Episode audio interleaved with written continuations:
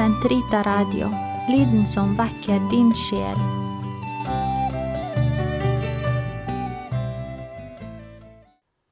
Den katolske kirkes katekisme, uke 20, lørdag, paragraf 2017 til 2029.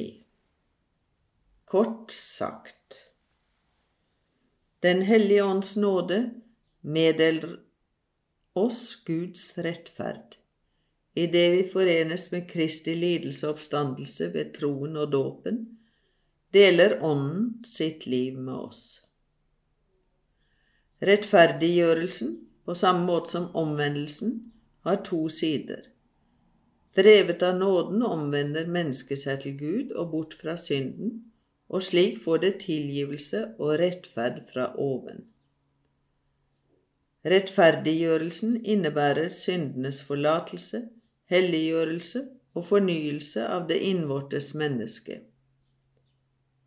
Rettferdiggjørelsen ble oss fortjent ved Kristi lidelse. Den gis oss gjennom dåpen.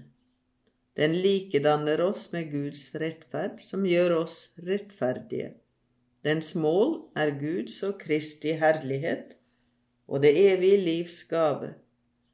Den er det herligste verk Guds miskunn øver. Nåden er den bistand Gud gir oss til å si ja til vårt kall til å få barnekår hos ham. Den fører oss inn i fortrolig omgang med treenighetens liv. Guds inngripen ved nådens virke foregriper, forbereder og fremskynder menneskets frie gjensvar. Nåden kommer den menneskelige frihets dype lengsler i møte. Den kaller den til samarbeid og gjør friheten fullkommen. Den helliggjørende nåde er den uforskyldte gave Gud gir oss av sitt liv, som inngis oss i sjelen av Den hellige ånd, for å helbrede den for synd og helliggjøre den. Den helliggjørende nåde gjør oss Gud velbehagelige. Karismene, Den hellige ånds særlige nådegaver, er ordnet henimot den helliggjørende nåde og har Kirkens felles beste for øye. Gud handler også gjennom en mangfoldig handlingsnåde som må skjelnes fra den vedvarende nåde som til stadighet bor i oss. Det finnes ikke noen fortjeneste fra vår side i Guds øyne om det ikke var for Guds frie beslutning om å gjøre mennesket delaktig i sin nådesverk.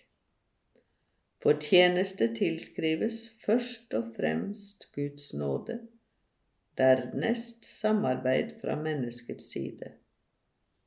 Menneskets fortjeneste tilkommer Gud. Den hellige ånds nåde kan, takket være vårt barnekår, ilegge oss sann fortjeneste ifølge Guds betingelsesløse rettferd. Kjærligheten er i oss den viktigste kilde til fortjeneste i Guds øyne. Ingen kan gjøre seg fortjent til den første nåde som ligger til grunn for omvendelsen.